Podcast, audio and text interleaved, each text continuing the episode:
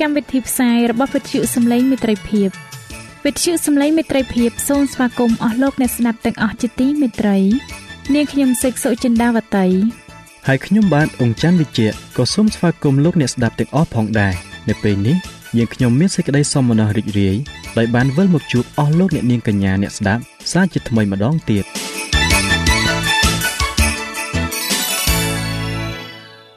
ចា៎លោកអ្នកស្ដាប់ជាទីមេត្រី នាងខ្ញុំសូមគោរពអញ្ជើញអស់លោកលោកស្រីអ្នកនាងកញ្ញាតាមដានស្ដាប់កម្មវិធីផ្សាយរបស់វិទ្យុយើងខ្ញុំដូចតទៅ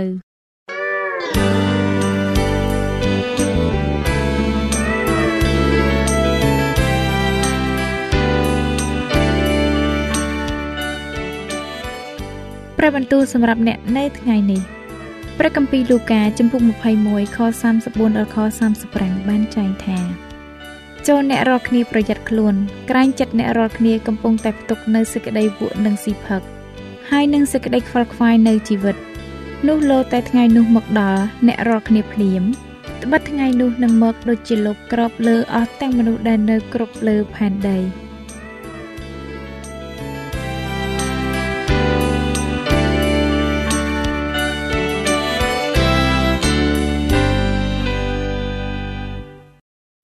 ជំរាបសួរអស់លោកអ្នកដែលតែងតែនិយមតាមដានស្ដាប់នីតិសបាស្គូលប្រចាំសប្ដាហ៍ទាំងអស់គ្នាជាទីមេត្រី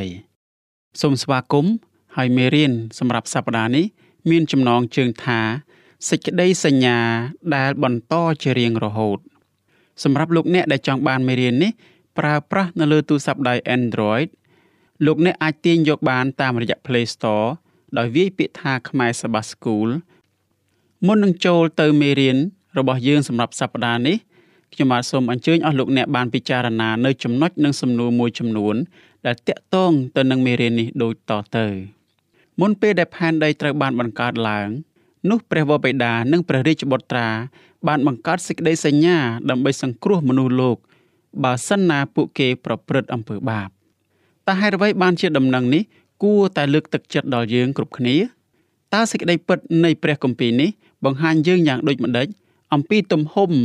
នៃព្រះハរតីដែលព្រះចង់ឲ្យយើងរស់នៅក្នុងនគររបស់ទ្រង់ក្នុងនាមជាពួកជំនុំតើព្រះបានប្រទានកិច្ចការអ្វីខ្លះដល់យើងដោយដែលទ្រង់បានប្រទានដល់សាសអ៊ីស្រាអែលនៃគម្ពីរសញ្ញាចាស់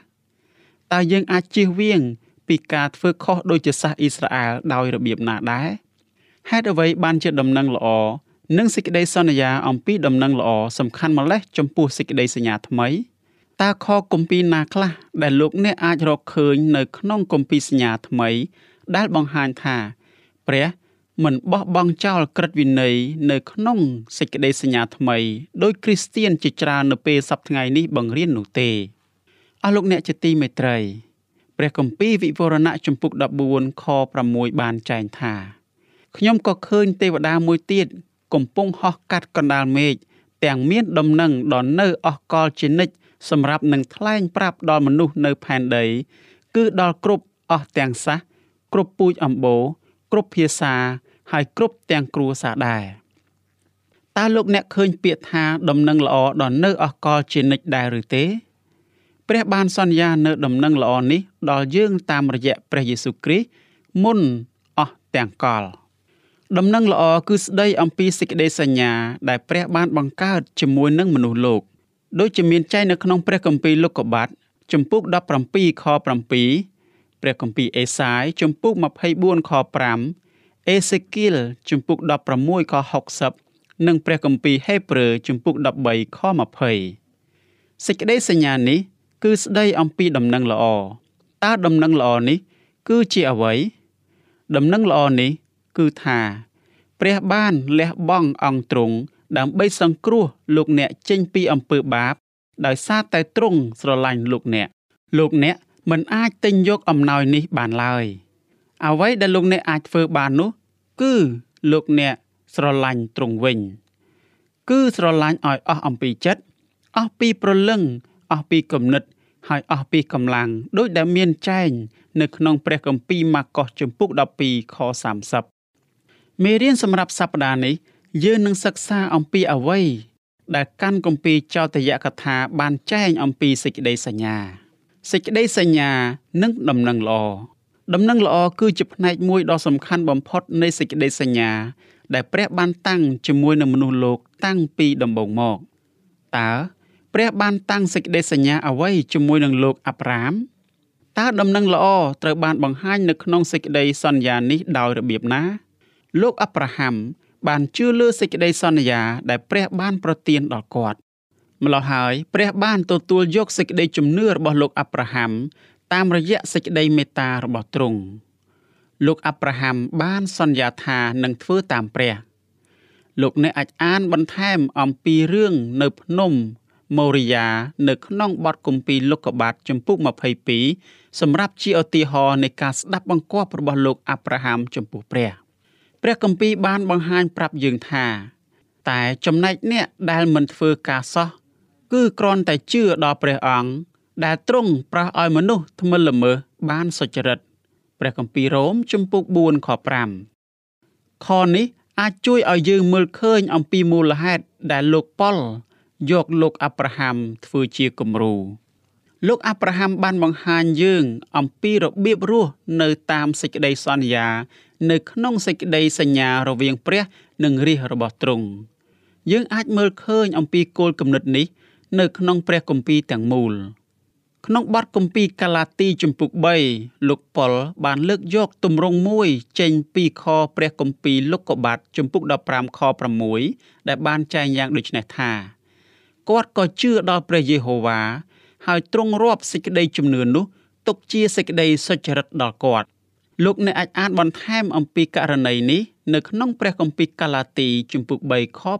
6បន្ទាប់មកលោកប៉ុលបានមានប្រសាសន៍ថាដូច្នេះអស់អ្នកដែលមានជំនឿនោះឈ្មោះថាបានពរជាមួយនឹងលោកអាប់រ៉ាហាំដែលជាអ្នកជឿដែរ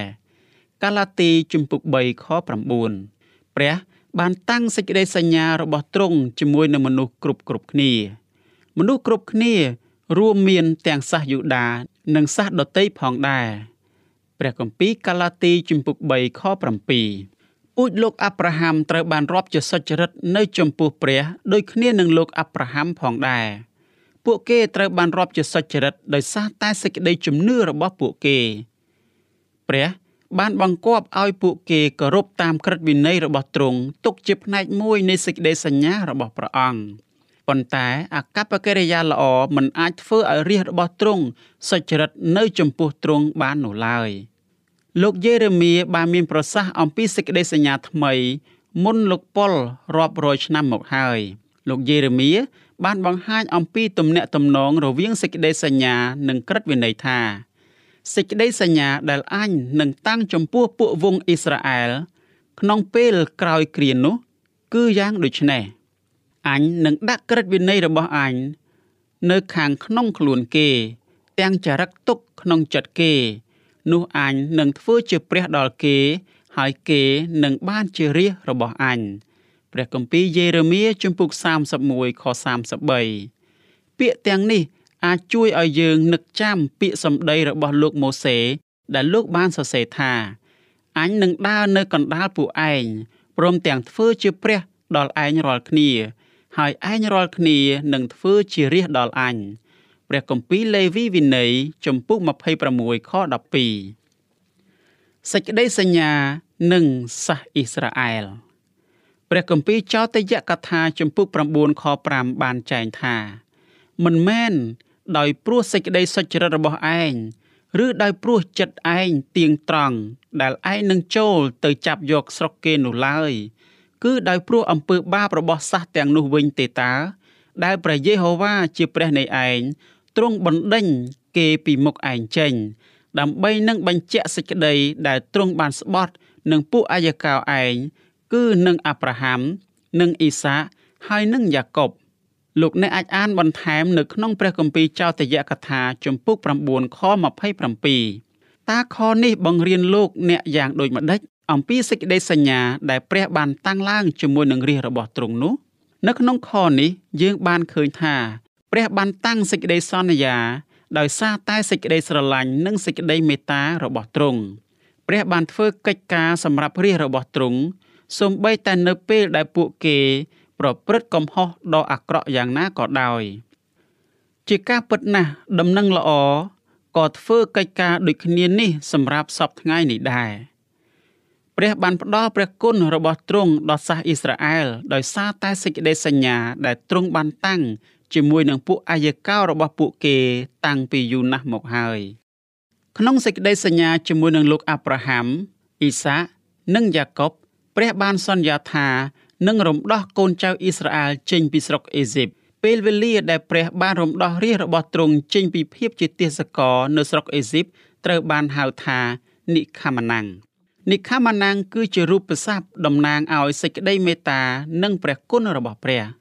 ដូច្នេះតើកាន់គម្ពីរនិខាម៉ាណាំងជួយដល់យើងអ្វីខ្លះដើម្បីឲ្យយល់អំពីដំណើរការនៃសេចក្តីសញ្ញានេះព្រះបានតាំងសេចក្តីសន្យាថានឹងរំដោះពួកគេ តាំងតែពីមុនពួកកូនចៅអ៊ីស្រាអែលមិនទាន់ចាប់កំណើតទៅទៀតដូច្នេះសាសអ៊ីស្រាអែលមិនបានធ្វើអ្វីដើម្បីទទួលបានសេចក្តីសន្យាទាំងនេះ តាមរយៈអកប្បកិរិយាល្អរបស់ពួកគេនោះឡើយជាការពិតព្រះមិនគ្រាន់តែរំដោះពួកគេចេញពីស្រុកអេស៊ីបប៉ុណ្ណោះនោះទេទ្រង់ថែមទាំងយកពួកគេទៅឯភ្នំស៊ីណៃទៀតនៅឯភ្នំស៊ីណៃព្រះបានតាំងសេចក្តីសញ្ញាជាមួយនឹងរាជរបស់ទ្រង់សូមអានបន្ថែមនៅក្នុងព្រះគម្ពីរនិខាម៉ាណាំងជំពូក20ដំណឹងល្អនិងក្រឹតវិន័យគឺជាផ្នែកដ៏សំខាន់បំផុតនៃសេចក្តីសញ្ញា ព្រះបានបង្គាប់ឲ្យរាជរបស់ទ្រង់គោរពតាមក្រឹតវិន័យទាំង10ប្រការរបស់ទ្រង់ការគោរពតាមរបស់ពួកគេបានបង្ហាញថា ពួកគេបានដឹងអំពីព្រះជាម្ចាស់និងថាទ្រង់បានរំដោះពួកគេមែនដូច្នេះក្នុងកាន់គម្ពីរចោទយកថា ព្រះបានសូមឲ្យរាជរបស់ទ្រង់គោរពតាមក្រឹតវិន័យទុកជាផ្នែកមួយនៃសេចក្តីសញ្ញារបស់ពួកគេជាមួយនឹងទ្រង់ កាន់គម្ពីរអំពីសេចក្តីសញ្ញា ពាក្យសម្រាប់សេចក្តីសញ្ញារវាងព្រះនិងរាជរបស់ទ្រង់ជាភាសាហេប្រឺគឺ Birit បង្ហាញយើងថាសេចក្តីសញ្ញាជាមួយនឹងព្រះលើសជាងកិច្ចព្រមព្រៀងអាជីវកម្មទៅទៀតសេចក្តីសញ្ញាគឺស្ដីអំពីទំនាក់ទំនងនិងមិត្តភាពជាពិសេសដែលព្រះចង់មានជាមួយនឹងរាជរបស់ទ្រង់ពាក្យថា Birit ត្រូវបានសរសេរជាច្រើនដងនៅក្នុងកាន់គម្ពីរចោទយកថានេះនេះគឺជាមូលហេតុដែលនាំឲ្យអ្នកប្រាជ្ញខាងឯព្រះគម្ពីរភាគច្រើនដាក់ឈ្មោះកាន់ព្រះគម្ពីរចោទយកថាជាកាន់គម្ពីរនៃសេចក្តីសញ្ញាព្រះបានតាំងសេចក្តីសញ្ញាជាមួយនឹងរាជរបស់ទ្រង់នៅឯភ្នំស៊ីណាយបន្ទាប់ពីព្រះបានរំដោះពួកគេចេញពីស្រុកអេស៊ីបមកភ្លាម សេចក្តីសញ្ញានេះបានតាំងឡើងមុនពេលដែលព្រះបង្គាប់ឲ្យសាសអ៊ីស្រាអែលចូលទៅក្នុងទឹកដីសន្យាប៉ុន្តែជនជាតិអ៊ីស្រាអែលមិនបានចូលទៅក្នុងទឹកដីសន្យានោះទេ រហូតដល់40ឆ្នាំក្រោយមកព្រះបានបង្គាប់ឲ្យជនជាតិអ៊ីស្រាអែលចូលទៅក្នុងទឹកដីសន្យានោះម្ដងទៀត។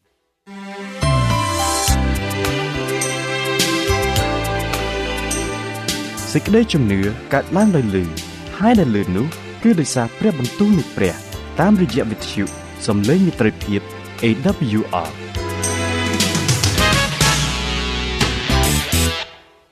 អស់លោកអ្នកជាទីមេត្រី ការចូលទៅក្នុងទឹកដីសន្យារបស់ពួកគេ គឺជាផ្នែកដ៏សំខាន់មួយនៃសេចក្តីសន្យា ដែលព្រះបានតាំងឡើងជាមួយនឹងលោកអាប់រ៉ាមនៅក្នុងសេចក្តីសញ្ញារបស់ទ្រង់សូមអានបន្ថែមនៅក្នុងព្រះគម្ពីរលោកុបាទជំពូក12ខ7 និងព្រះគម្ពីរនិខាម៉ាណាំងជំពូក12ខ25ដូច្នេះព្រះចង់ឲ្យរាជរបស់ទ្រង់ចងចាំថាការស្ដាប់បង្គាប់គឺជាផ្នែកមួយដ៏សំខាន់នៃសេចក្តីសញ្ញាជាមួយនឹងទ្រង់នេះគឺជាមូលហេតុដែលនាំឲ្យព្រះជាម្ចាស់ប្រទានក្រឹតវិន័យទាំង10ប្រការដល់លោកម៉ូសេក្នុងការបង្រៀនដល់ពួកបណ្ដាជនមែនហើយព្រះជាម្ចាស់នឹងរក្សាសេចក្តីសន្យារបស់ទ្រង់ចំពោះពួកគេ ដែលទ្រង់បានតាំងឡើង នៅក្នុងសេចក្តីសញ្ញារបស់ទ្រង់តាំងពីយូរលង់ណាស់មកហើយនេះគឺជាមូលហេតុដែលនាំឲ្យលោកម៉ូសេប្រាប់ពួកបណ្ដាជនឲ្យចងចាំថា ព្រះបានចារឹកក្រឹតវិន័យរបស់ទ្រង់សម្រាប់ពួកគេកាលពីមុន ដោយមានប្រសាសន៍ថាទ្រង់បានមានបន្ទូលប្រាប់ដល់ឯងរាល់គ្នាពីសេចក្តីសញ្ញារបស់ទ្រង់ដែលទ្រង់បានបង្គាប់ឲ្យឯងរាល់គ្នាប្រព្រឹត្តតាម គឺជាក្រឹតវិន័យទាំង10ប្រការ ហើយទ្រង់ក៏ចរិតក្រឹតទាំងនោះចុះនៅបន្ទះថ្មពីរផ្ទាំងព្រះគម្ពីរចោទយកថាជំពូក4ខ13ព្រះបានប្រទានក្រឹតវិន័យដ៏រាជរបស់ទ្រង់នៅឯភ្នំស៊ីណាយហើយព្រះបានប្រទានក្រឹតវិន័យរបស់ទ្រង់ដ៏រាជរបស់ព្រះអង្គម្ដងទៀតនៅក្នុងស្រុកម៉ូអាប់មុននឹងពួកគេហៀបនឹងចូលទៅក្នុងទឹកដីសន្យា ដោយដែលយើងបានឃើញរួចមកហើយថា ទឹកដីសន្យា គឺជាផ្នែកមួយនៃសេចក្តីសញ្ញា ដែលព្រះបានតាំងឡើងជាមួយនឹងលោកអាប់រ៉ាហាំលោកអ៊ីសានិងលោកយ៉ាកុបរាប់រយឆ្នាំមុនមកម្លេះសេចក្តីសន្យានេះបង្ហាញអំពីសេចក្តីសញ្ញាដែលបានចែងថានឹងនៅស្ថិតស្ថេរជាដរាបព្រះគម្ពីរលោកុបាទជំពូក17ខ7 ព្រះបានរៀបចំសេចក្តីសញ្ញានេះឡើងមុនពេលដែលទ្រង់បានបង្កើតផែនដីមកម្លេះតាមរយៈសៀវភៅព្រះនៃសេចក្តីស្រឡាញ់អ្នកស្រី Ellen G. White បានលើកឡើងថាមុនពេលដែលផែនដីរបស់យើងត្រូវបានបង្កើតព្រះដែលជាព្រះវរបិតានិងព្រះរាជបុត្រារបស់ទ្រង់បានព្រមព្រៀងគ្នាដើម្បីសង្គ្រោះមនុស្សលោកប្រសិនបើសាតាំងធ្វើឲ្យពួកគេប្រព្រឹត្តអំពើបាប ព្រះវរបិតាបានប្រើដៃរបស់ព្រះរាជបុត្រា ហើយព្រះរាជបុត្រា បានប្រើដៃរបស់ព្រះវរបិតាព្រះអង្គបានរួមដៃគ្នាដើម្បីបង្ហាញសេចក្តីសន្យារបស់ទ្រង់ដែលថាព្រះយេស៊ូវគ្រីស្ទនឹងលះបង់ព្រះអង្គទ្រង់សម្រាប់អំពើបាបរបស់មនុស្សលោករាជពិសេសរបស់ព្រះ ជាមនុស្សក្នុងសម័យថ្មីយើងប្រហែលជាពិបាកយល់អំពីមនុស្សដែលរស់នៅក្នុងស្រុកកាណាន ខណៈពេលដែលសាសអ៊ីស្រាអែលកំពុងតែវង្វេងនៅក្នុងទីរហោស្ថាននោះ ចាប់តាំងពីពេលនោះមក មាននគរជាច្រើននៅទូទាំងពិភពលោកដែលបានកើតឡើង ហើយត្រូវរលាយទៅ មានតែប្រាសាទដែលនៅសល់តែប៉ុណ្ណោះហើយជាទូទៅសូម្បីតែប្រាសាទក៏គ្មានផង ដូច្នេះតើយើងអាចដឹងឲ្យបានច្បាស់អំពីមនុស្សមួយក្រុមដែលបានរស់នៅតំបន់តែមួយ ជាមួយសាសអ៊ីស្រាអែលបានយ៉ាងដូចម្តេចទៅ យើងដឹងមិនបានច្រើននោះទេប៉ុន្តែយើងអាចដឹងរឿងមួយគឺថា មនុស្សទាំងនេះ មានជំនឿលើព្រះជាច្រើន ពួកគេបានគោរពរូបព្រះ និងថ្វាយបង្គំធម្មជាតិពួកគេសម្លាប់ក្មេងៗជាច្រើន ដើម្បីថ្វាយដល់ព្រះរបស់ពួកគេសូមលោកអ្នកព្យាយាមស្រមៃមើលអំពីមនុស្សនិងសាសនាដែលគិតថា ការសម្លាប់កូនចៅរបស់ពួកគេគឺជារឿងធម្មតា អាក្រក់ជាងនេះទៅទៀតគឺថា ពួកគេបានធ្វើរឿងនេះនៅក្នុងឈ្មោះរបស់ពួកព្រះមួយចំនួន វាគ្មានអ្វីប្លែកនោះទេ ដែលព្រះជាម្ចាស់បានដាស់តឿនរាជរបស់ព្រះអង្គម្ដងហើយម្ដងទៀតកុំឲ្យធ្វើអ្វីដែលសះនៅជុំវិញពួកគេបានធ្វើ ដោយទ្រង់មានបន្ទូលយ៉ាងដូចនេះថា កាលណាឯងបានចូលទៅក្នុងស្រុក ដែលព្រះយេហូវ៉ាជាព្រះនៃឯងទ្រង់ប្រទានឲ្យនោះមិនត្រូវរៀនធ្វើតាមការគួស្អប់ខ្ពើមរបស់សាសដតីនោះឡើយព្រះគម្ពីរចោទយកថាជំពូក18ខ9ព្រះមានគោលបំណងដ៏ពិសេសមួយសម្រាប់ការតាំងឲ្យសាសអ៊ីស្រាអែលធ្វើជារាជដ៏ពិសេសរបស់ទ្រង់លើសជាងសាសទាំងអស់នៅលើផែនដីព្រះចង់ឲ្យសាសអ៊ីស្រាអែលប្រកាសប្រាប់ដល់មនុស្សគ្រប់គ្នា នៅលើផែនដីអំពីព្រះ នៃស្ថានសួគ៌ដ៏ឧត្តមឧត្តមព្រះចង់ឲ្យសាសអ៊ីស្រាអែលបង្រៀនអ្នកដទៃថាទ្រង់គឺជាអ្នកបង្កើតផ្ទៃមេឃនិងផែនដី ព្រះជាម្ចាស់គឺជាព្រះតែមួយអង្គគត់ដែលមានប្រជញ្ញរស់នៅ លោកម៉ូសេបានផ្ដើមជាមួយនឹងពាក្យថាថ្ងៃនេះ ថ្ងៃនេះមានន័យថាឥឡូវនេះ ឬម្ដងទៀត ការជ្រើសរើសពាក្យនេះគួរឲ្យចាប់អារម្មណ៍ណាស់ ព្រះបានបង្គាប់ឲ្យរាជរបស់ទ្រង់គោរពតាមមែនទេ ដូច្នេះថ្ងៃនេះបង្ហាញយើងថា ព្រះចង់ឲ្យរាជរបស់ទ្រង់ធ្វើការជ្រើសរើសម្ដងទៀតឥឡូវនេះពួកគេត្រូវជ្រើសរើសម្ដងទៀតដើម្បីគោរពតាម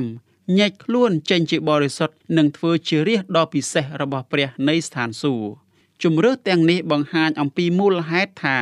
ពួកគេជារាជនៃសេចក្តីសញ្ញា មានតែសាសអ៊ីស្រាអែលតែប៉ុណ្ណោះដែលដឹងអំពីព្រះ និងរបៀបដែលព្រះចង់ឲ្យពួកគេរស់នៅសាសអ៊ីស្រាអែលមានសេចក្តីពិតបច្ចុប្បន្នសេចក្តីពិតបច្ចុប្បន្នគឺជាសេចក្តីពិតនៃព្រះ គឺជាសេចក្តីពិតនៃព្រះគម្ពីរដែលពួកគេត្រូវការជាទីបំផុតសម្រាប់សម័យរបស់ពួកគេព្រះបានសូមឲ្យសាសអ៊ីស្រាអែលរស់នៅតាមសេចក្តីពិតរហូតដល់ព្រះយេស៊ូវដែលជាសេចក្តីពិតដ៏រស់យាងមក ព្រះគម្ពីរយូហានជំពូក14ខ6រូបស័ព្ទដតីទៀតសម្រាប់សេចក្តីសញ្ញាអស់រយៈពេលជាយូរមកហើយ អ្នកប្រាជ្ញខាងឯព្រះគម្ពីរបានមើលឃើញថាសេចក្តីសញ្ញារវាងព្រះនិងរាជរបស់ទ្រង់ដូចគ្នាទៅនឹងសេចក្តីសញ្ញា ដែលតាំងរវាងនគរនៅក្នុងសម័យព្រះគម្ពីរសញ្ញាចាស់យើងមិនគួរមានការភ្ញាក់ផ្អើលចំពោះព័ត៌មាននេះតលតែសោះ ព្រះតែងតែធ្វើការជាមួយនឹងរាជរបស់ទ្រង់តាមវិធីដែលពួកគេធ្លាប់បានដឹងរួចទៅហើយ ពេលនោះពួកគេអាចយល់អំពីទ្រង់បានកាន់តែប្រសើរឡើង ទន្ទឹមគ្នានេះ យើងតែងតែទទួលបានគោលគំនិតខុសឆ្គងអំពីសេចក្តីសញ្ញានៃព្រះគម្ពីរយើងប្រហែលជាគិតថាសេចក្តីសញ្ញាគឺគ្រាន់តែជាក្រដាស់ស្របច្បាប់មួយសន្លឹកតែប៉ុណ្ណោះ ប៉ុន្តែសេចក្តីសញ្ញារវាងព្រះនិងរាជរបស់ទ្រង់នោះមានសារៈសំខាន់លើសជាងក្បួនច្បាប់ឬក្រដាស់មួយសន្លឹកនេះទៅទៀតសេចក្តីសញ្ញាគឺស្ដីអំពីទំនាក់ទំនងនៃចិត្តនិងមិត្តភាពដ៏ពិសេសដែលព្រះចង់បានជាមួយនឹងរាជរបស់ទ្រង់សេចក្តីសញ្ញាបង្ហាញយើងថា ព្រះចង់នៅចិត្តជាមួយនឹងរាជរបស់ទ្រង់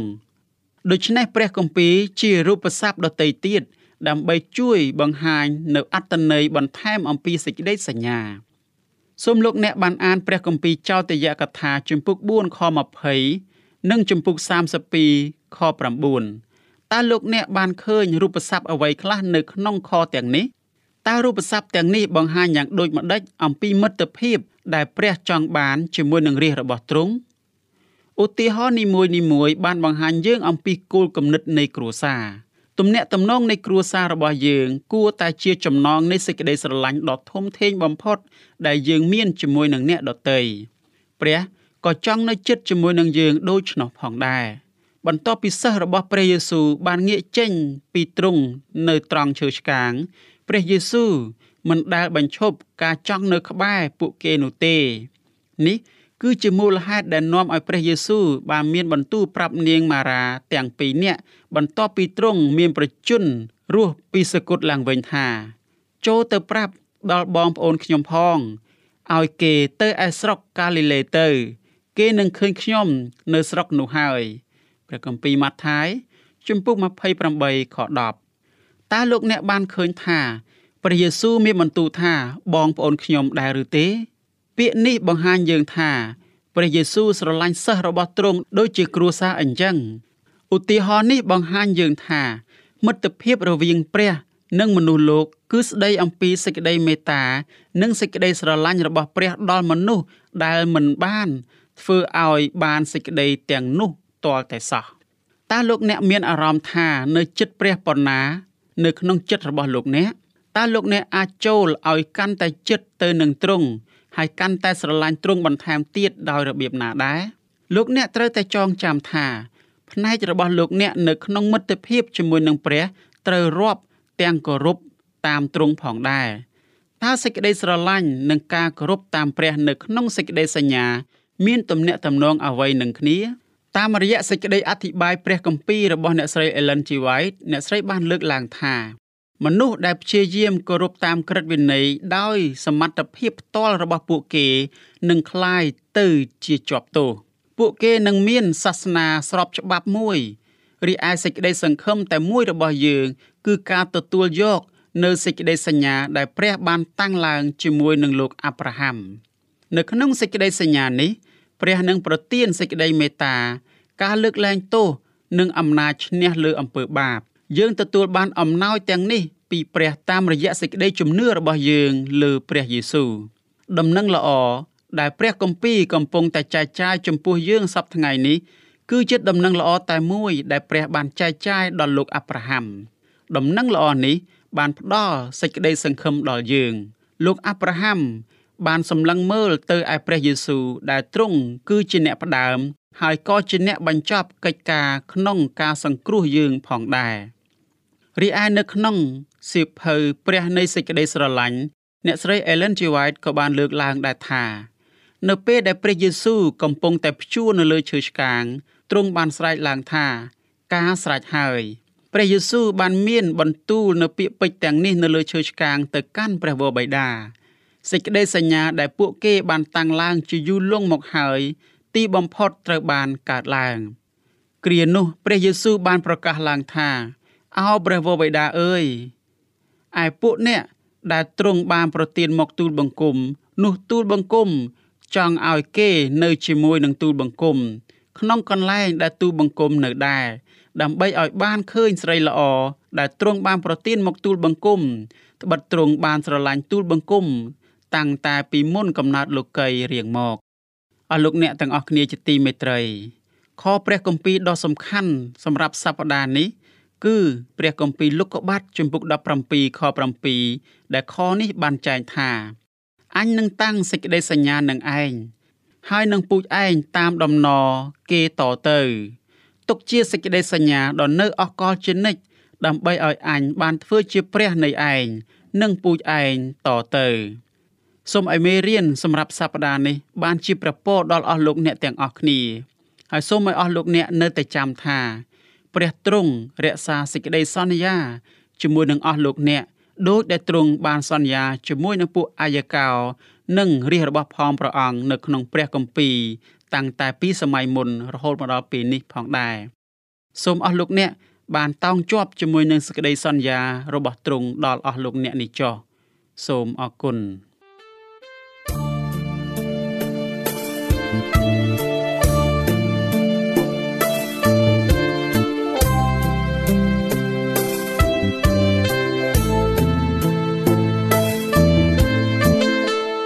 បើសិនជាលោកអ្នកមានសំណួរ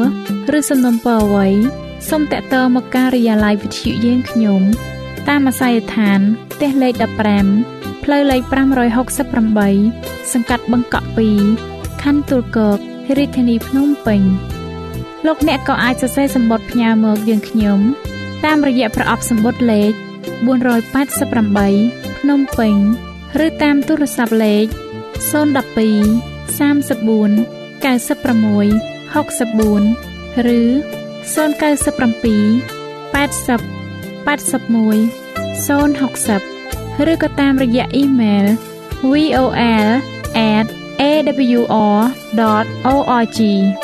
យើងខ្ញុំរងចាំទទួលស្វាគមន៍អស់លោកអ្នកនាងដោយក្តីសោមនស្សរីករាយហើយលោកអ្នកក៏អាចស្ដាប់កម្មវិធីនេះឡើងវិញ ដោយចូលទៅកាន់ website របស់វិទ្យុយើងខ្ញុំតាមរយៈអាស័យដ្ឋាន www.awr.org